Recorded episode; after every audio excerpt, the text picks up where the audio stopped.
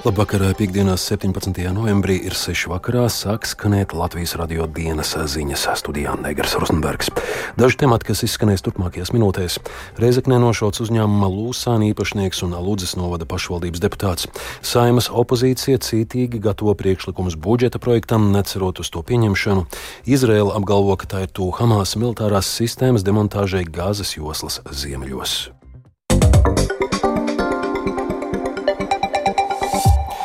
Reizeknē šopēcpusdienā pie būvmateriālu veikala kā senukai nošauts kokapstrādes uzņēmuma Lūsēna īpašnieks un Lūdzes novada pašvaldības deputāts Andris Ļupka, ievēlēts no Zaļonas zemnieku savienības. Latvijas radio sazinājās ar Lūdzes novada mēru Edgaru Mekšu. Viņš apšauba slepkavības saistību ar deputāta darbu. Saņēmām informāciju, ka Rēzeknē pie veikala nošauts mūsu Lūdzes novada pašvaldības deputāts, arī Sijā Lūsēņa īpašnieks, uzņēmējs Andris Ļupka. Nekādā gadījumā nevarētu sasaistīt, es izslēdzu tādu versiju, ka saistīts ar domas darbu, pārējās versijas, lai pārbauda policija. Man nav informācijas detalizētas, kas tur noticis. Arī nezinu, vai viņam bija kaut kādi konflikti kā uzņēmējam, jo viņš ir kārtīgs tāds latgalietis, darba rūkis, kaut kā man arī neticas, ka tas varētu būt kaut kas arī saistīts ar viņa uzņēmēju darbību, bet, nu, protams, tās policijai savas kompetences ietvaros jāveic izmeklēšana un jāpārbauda. Valsts policijas Latgales reģiona pārvaldes Ziemeļa Latgales iecirkņa priekšnieks Oskars Točelovskis skaidro, ka sākotnēji aizturēta viena persona - autovadītājs, un vēlāk arī otrs iespējamais šāvējs - 75. gadā dzimušais Igors Haits. Nekavējoties tika uzsākti meklēšanas pasākumi, valsts policija izsludināja plānu slazdi. Pusotras stundas laikā tika aizturēts viens no vainīgajiem personām. Automašīnas vadītājs, ar kuru mašīnu šāvējs pameta notikuma vietu. Automašīna ir aizturēta, otra persona šāvējs joprojām atrodas meklēšanā. Valsts policija vērš uzmanību, kā šāvējs varētu būt bīstams un bruņots. Izraēlas bruņotie spēki panākuši būtisku progresu un, un ir tuvu tam, lai sasniegtu mērķi un demontētu grupējumu Hamas militāro sistēmu Gāzes joslas ziemeļos. Tā šodien paziņojas Izraēlas armijas ģenerālštāba priekšnieks Hercī Halevī. Vairāk stāsta Rihards Plūme. Izraels armijas ģenerālštāba priekšnieks Hercīga Levija šodien skaidroja, ka Izraels armija sekmīgi īsteno operācijas Gazas joslā un Armija turpinās operācijas arī vēl citos apvidos, ne tikai ziemeļos. Viņš uzsver, ka armija sistemātiski arī turpinās likvidēt komandierus un likvidēt kaujiniekus, kā arī Eh, iznīcināt infrastruktūru. Turpinās operācija arī ziemeļos esošajā Šifas slimnīcā, kur atrodas vairāk tūkstoši cilvēku, un, eh, kā ir norādījusi Izraela, tad slimnīcā armija esot atradusi eh, grupējumu Hamas pavēlniecības un kontrolas centrus. Tāpat tur esot atrast ieroči un izlūkošanas materiāli datoros un arī citās iekārtās esot uziet informāciju un video materiāli, kuros redzami arī ķīlnieki. Neatkarīga apstiprinājuma gan šai informācijai nav nav. Izrēlē ir izdevies pārņemt kontroli pār ziemeļos esošās gāzes pilsētas eh, rietumu daļu. To ir norādījis Izraels aizsardzības ministrs Jovs Galants. Piebildes, ka Gazas joslā ir sākusies nākamā fāze, tiesa gan neprecizējot, kāda tieši tā būs. Teroristi tiek vainot tajā, ka izmanto civiliedzīvotājus kā dzīvo vairogu, slēpjas starp tiem, to starp pieminētajā šajā slimnīcā, un uh, Izraels premjers intervijā telkanālam CBS arī atzina, ka Izraēlai gan nesoks civiliedzīvotāju pasargāšanā. First of all, any civilian death Pirmkārt, jebkura civiliedzīvotāja nāve ir traģēdija, un tādām nevajadzētu būt. Jo mēs darām visu iespējamo, lai civiliedzīvotājus pasargātu. Savukārt Hamas dara pretējo.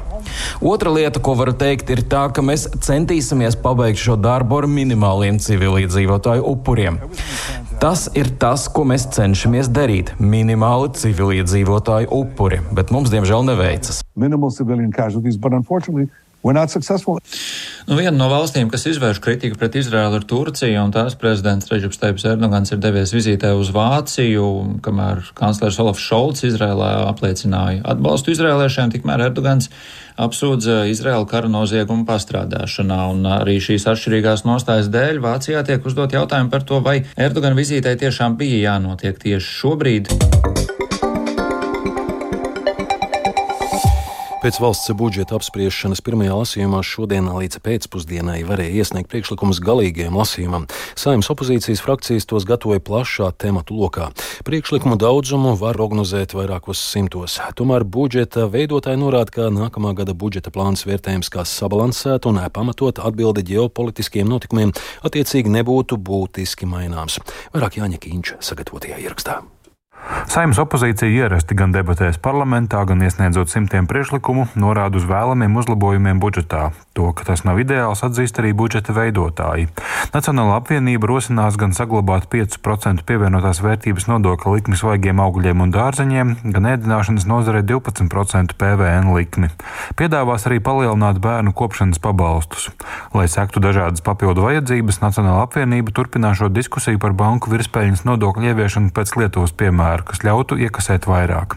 Neplānojot pārspēt priekšlikumu skaitu rekordus, idejas atalgojuma krasākai palielināšanai iekšlietu jomā, drošības, reģionālās politikas, tautsemniecības un transporta jomās gatavo arī apvienotā saraksta frakcija.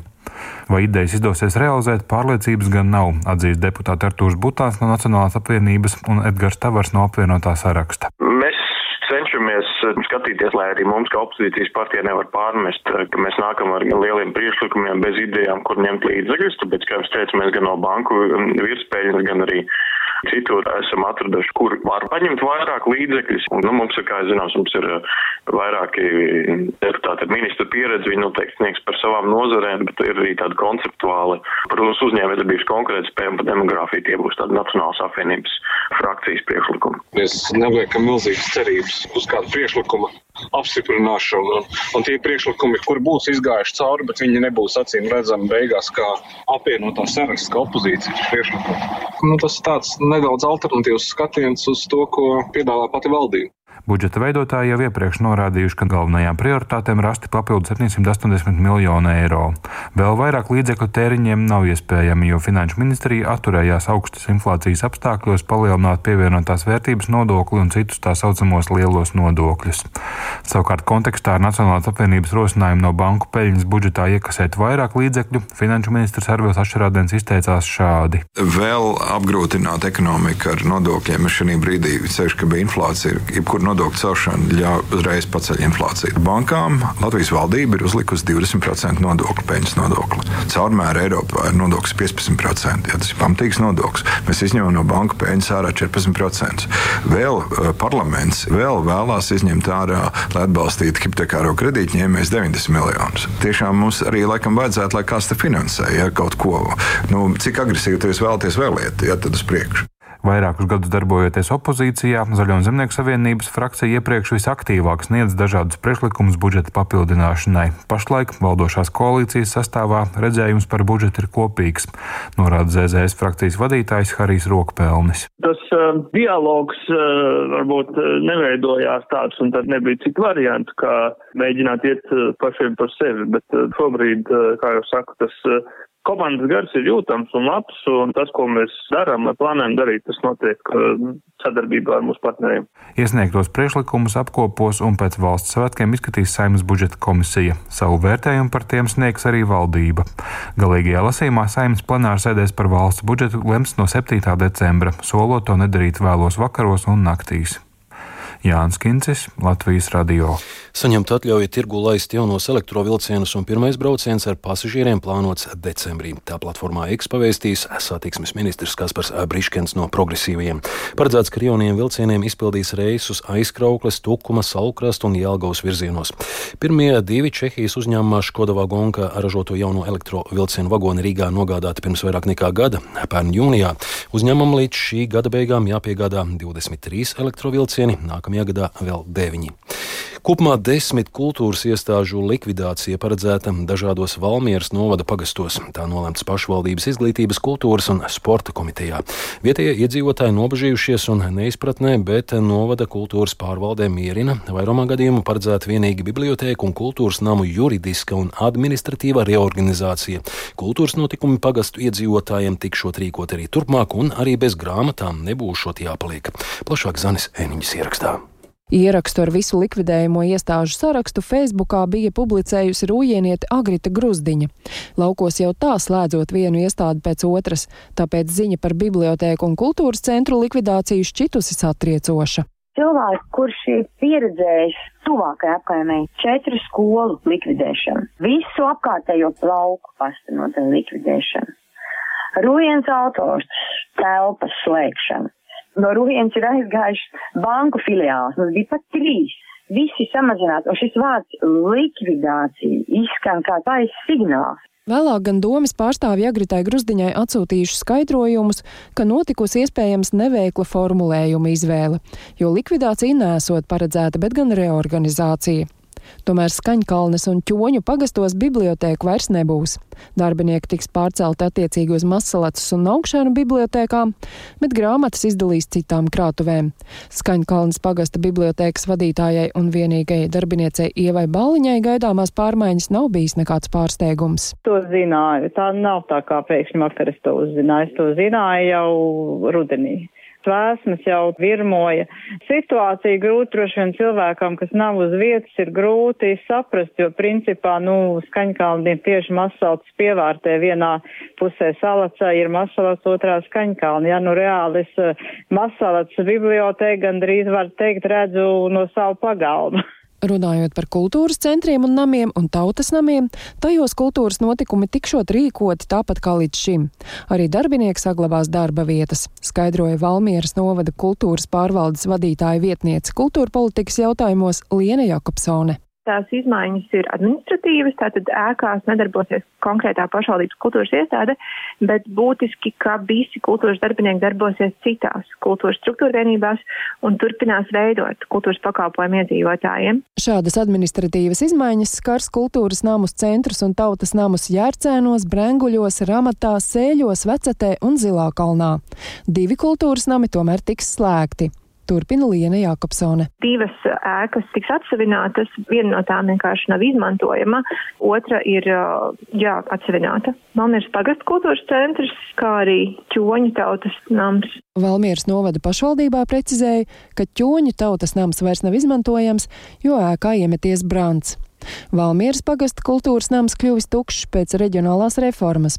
Proti, iepriekš šajā ēkā atradusies Burtnieku administrācija, kas pat labam pārcēlusies uz Burtnieku novada apvienības telpām. Kultūras sarīkojumi notikuši Valmieras pagasta kultūras nama zālē, taču uzturēt visu ēku tikai zāles dēļ būtu neracionāli jo īpaši tāpēc, ka šis nams atrodas tuvu Valmierai, tātad pilsētas kultūras iestādēm. Zana Eniņa, Latvijas radio. Latvijas futbola izlase jau rīt Skonto stadionā noslēgs Eiropas čempionāta kvalifikācijas ciklu ar maču pret Horvātiju. Rīgā viesosies pēdējo divu pasaules kausu medaļniece ar Madrides Reāla zvaigzni Luku Modriču ierindā. Latvijas izlase būs gandrīz savā optimālākajā sastāvā, iztrūkstot tikai savainotiem uzbrucējiem Vladislavam Negutkovskim un diskvalificētiem pussargam Eduardam Emsim. Par aizvadītos sagatavošanās posmu šai spēlē pastāstīja Latvijas izlases galvenais treneris Dainis Kazakevičs. Pirmajā nometnes posmā mums bija vairāk akcents uz spēlētāju atjaunošanos pēc spēlēm, emocionāli, funkcionāli, plus mums vairāk spēlētāji spēlē vēl arī svētdienas spēles. Bet, kā jau es arī teicu, pirms šīs nometnes, ņemot vērā, ka spēle ir sestdiena, mēs ļoti normāli, pilnvērtīgi patiknējāmies, izpildījām visu to plānu, kas mums bija paredzēts. Izskan Latvijas radio dienas ziņas producents Viktors Pupīks, ierakstus montēja Uldis Grīnbergs, par labskaņu rūpējās Ernests Valds Fjodorovs studijā Negars Rozenbergs. Vēl īsumā par svarīgāko Rezeknē nošauts uzņēmuma Lūsēna īpašnieks un Lūdzes novada pašvaldības deputāts. Izraela apgalvo, ka tā tū Hamas militārās sistēmas demontāžai Gazas joslas ziemeļos. Vēl tikai par laikapstākļiem. Yeah.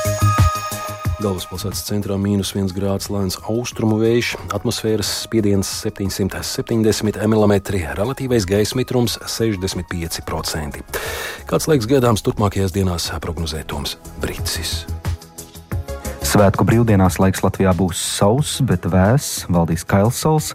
Naktīs temperatūra pārsvarā mīnus 2, mīnus 7 grādu robežās, vietām piekrastē ap nulli, bet dienās 0,3 grādi, piekrastē līdz plus 1, plus 2 grādiem. Valdošie būs lēni austrumu vēji. Rīt, 18. novembrī, brīžiem iestāsies pat bezvējš, turklāt būs arī saulaini brīži. Līdzīgi laikapstākļi saglabāsies līdz nākamās nedēļas vidum. Izmaiņas sāksies ceturtdien, kad visticamāk sāks snikt un puteņot, taču sniegu ātri nomainīs slapdraņķis lietas un temperatūra pakāpsies virs nulles.